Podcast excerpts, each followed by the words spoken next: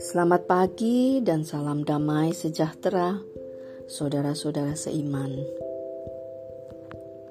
Kembali kita menghadap Tuhan untuk mendapatkan firman-Nya yang memberikan kita hikmat untuk hidup kita yang akan kita jalani hari ini.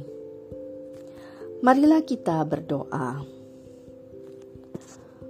Tuhan pencipta kami dan sumber hikmat kami di sini kami ya Tuhan, menunggu di kakimu, mengharapkan curahan berkat hikmat yang akan menuntun kami menjalani hari ini. Mohon Tuhan memenuhi hati dan pikiran kami dengan firman-Mu yang berharga. Dalam nama Tuhan Yesus kami berdoa. Amin. Saudara-saudaraku, kita akan merenungkan dari Amsal pasal 27, di mana pasal ini berisi beragam hikmat praktis. Kita akan membaca ayat-ayat yang berhubungan dan merenungkannya, lalu kita lanjutkan dengan ayat-ayat berikutnya. Ayat 1, 2, dan 21 tentang pujian bagi diri. Janganlah memuji diri karena esok hari, karena engkau tidak tahu apa yang akan terjadi hari itu. Biarlah orang lain memuji engkau, dan bukan mulutmu.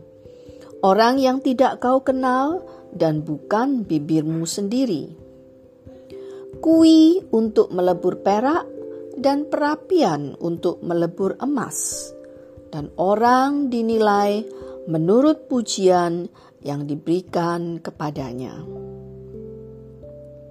Firman ini mengajarkan agar kita jangan begitu percaya diri bahwa rencana-rencana kita pasti akan terjadi. Mungkin kita bersandar pada pengalaman kita di masa lalu. Jika kita melakukan seperti itu, maka akan terjadi seperti yang dulu itu juga. Mungkin kita bersandar pada kemampuan kita, baik kekayaan maupun kepandaian, untuk mencapai apa yang kita rencanakan. Sebaiknya kita tetap rendah hati, yaitu menyadari keterbatasan kita sebagai manusia dan mengakui bahwa hanya jika Tuhan berkehendak, maka akan terjadi jika Tuhan bermurah hati, maka rencana kita akan berhasil. Sifat rendah hati ini nampak ketika kita tidak memuji diri kita, sekalipun kita telah berhasil dalam usaha, dalam pekerjaan, dalam studi, dalam relasi. Tidak memuji diri sebagai orang yang telah melakukan kebaikan dan bahkan tidak memuji diri sebagai orang yang bijaksana. Jikalau pujian itu datang dari orang lain, maka itu lebih murni daripada dari diri kita sendiri. Singkatnya, orang yang rendah hati tidak akan pernah berkata bahwa ia rendah hati. Ia tidak mencari pujian. Selanjutnya ayat 3 dan 4. Batu adalah berat dan pasir pun ada beratnya. Tetapi lebih berat dari kedua-duanya adalah sakit hati oleh orang bodoh. Panas hati kejam dan murka melanda. Tapi siapa dapat tahan terhadap cemburu? Di sini ada dua penyebab sakit hati yang disampaikan, yaitu yang disebabkan oleh orang bodoh atau bebal dan yang disebabkan oleh cemburu. Nah, sebaiknya kita menghindari kedua sakit hati ini karena menakutkan sekali ketika terekspresikan dalam tindakan. Kemarahan yang luar biasa bisa membunuh orang. Ayat 5, 6, dan 9.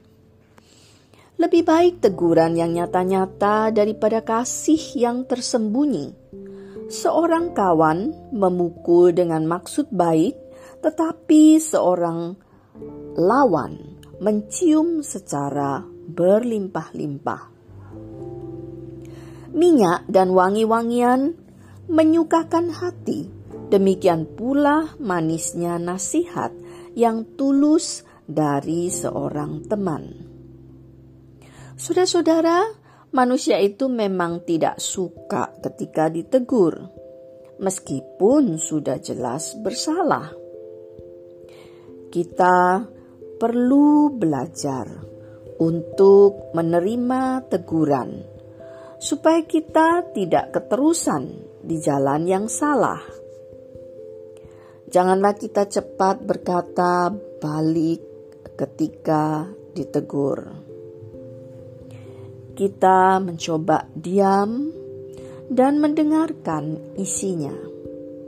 Nanti kita pikirkan baik-baik isi teguran itu ketika hati kita tidak panas. Maka kita bisa memperbaiki diri kita. Jika kita melihat anak kita melakukan yang salah, maka kita menegurnya dan bahkan memarahi anak kita, bukan? Tentu ini kita lakukan karena kita mencintai anak kita.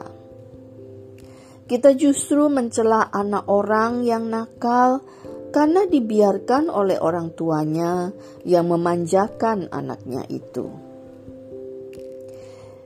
Hikmat ini juga memperingatkan kita terhadap orang yang berlebihan memuji kita, karena pasti ada maksud yang tidak baik. Pada ayat ke-17, kita diberitahu bahwa gesekan dengan orang lain dipakai oleh Tuhan untuk membuat kita lebih berguna kemudian. Seperti halnya besi ditajamkan dengan besi lainnya. Ayat yang ketujuh, orang yang kenyang menginjak-injak madu, tetapi bagi orang yang lapar, segala yang pahit dirasa manis. Firman ini memberikan kita hikmat dalam memberi. Alangkah baiknya kita berbagi dengan orang yang kekurangan, meskipun yang kita beri itu terasa sedikit atau tidak berarti. Nah, janganlah kita terjebak dalam memberi kepada orang-orang berada, karena kita ingin dia menjadi teman kita, supaya suatu saat kita membutuhkan bantuannya, kita ditolongnya. Sesungguhnya, bagi orang berada tersebut, pemberian kita yang mahal pun dia sudah punya sehingga tidak ada artinya bagi dia. Dan ketika saudara mengharapkan pertolongannya, ia mengecewakan saudara. Karena ia tidak merasa berhutang budi kepada saudara. Selain itu, saudara-saudara, kita perlu memperhatikan waktu yang tepat di mana kita mau melakukan kebaikan. Sebab jika salah waktunya, bukannya dianggap berkat, malah kita dikutuki. Seperti digambarkan di ayat 14, siapa pagi-pagi sekali memberi selamat dengan suara nyaring, hal itu akan dianggap sebagai kutuk baginya.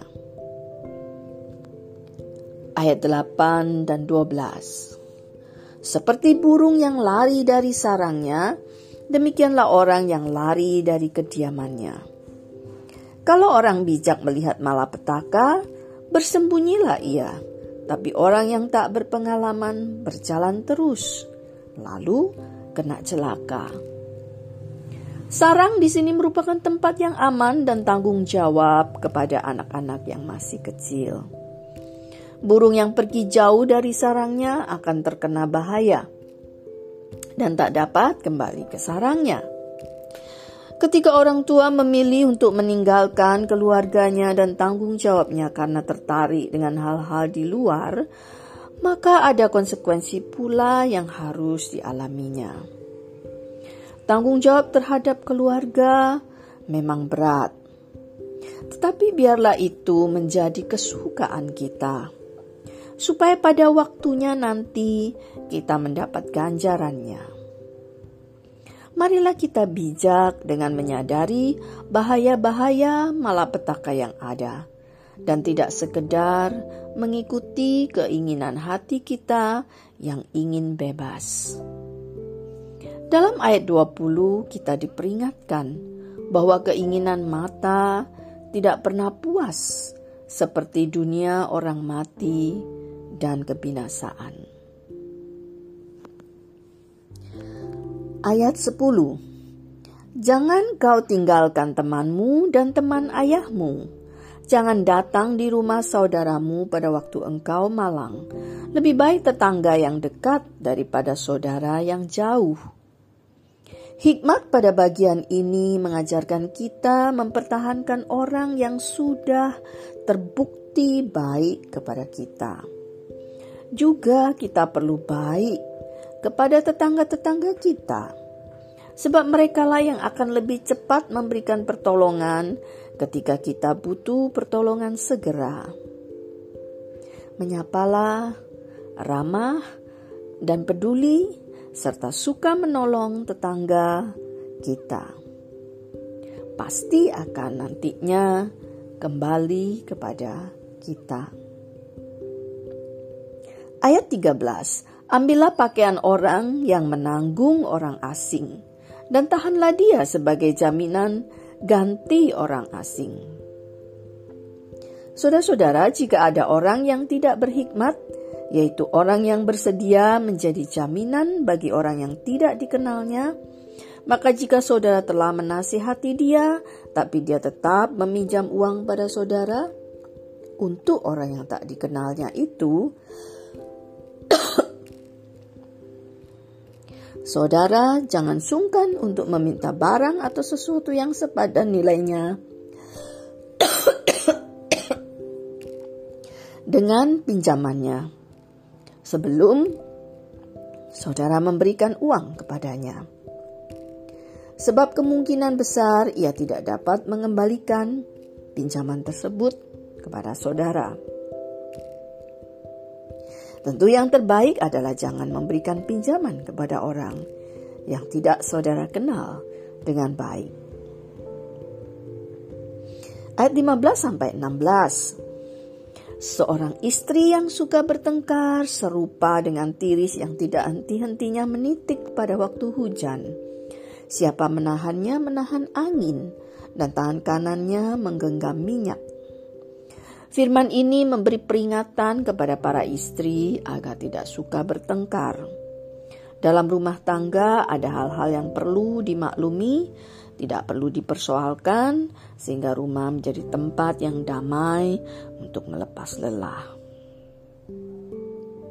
Ayat 18, 23 sampai 27 Siapa memelihara pohon ara akan memakan buahnya, dan siapa menjaga tuannya akan dihormati. Kenalah baik-baik keadaan kambing dombamu. Perhatikanlah kawanan hewanmu karena harta benda tidaklah abadi. Apakah mahkota tetap turun-temurun?